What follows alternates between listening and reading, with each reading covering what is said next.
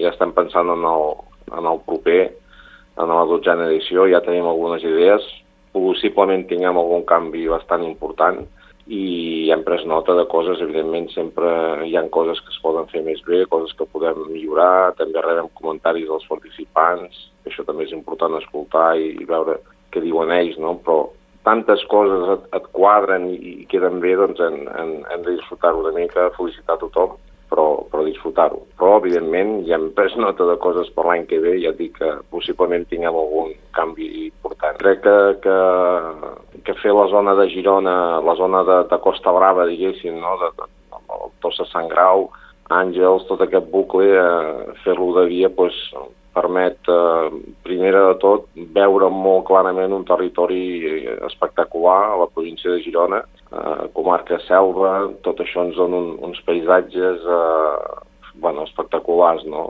on eh, el, el públic de dia doncs, pot disfrutar molt d'aquests paisatges, d'aquestes carreteres i els pilots també doncs, eh, jo crec que s'ho passen, passen més bé. No? Hem anat prenent nota de tot el que es pugui millorar. La valoració, evidentment, és molt positiva, però sempre hi ha cosetes eh, que, bueno, que apuntem per poder millorar de cares a, a l'edició de l'any vinent, però, evidentment, amb totes les ganes de, de començar ja a treballar per aquesta dotzena edició, perquè creiem que és eh, una cosa molt important per Lloret, sobretot també pel que suposa per l'impacte econòmic que, que, que genera la població a nivell d'allotjament, de comerç, de restauració, um, en dates de temporada baixa. No oblidem que el febrer per nosaltres és temporada baixa i, per tant, tot el que això significa doncs, és importantíssim.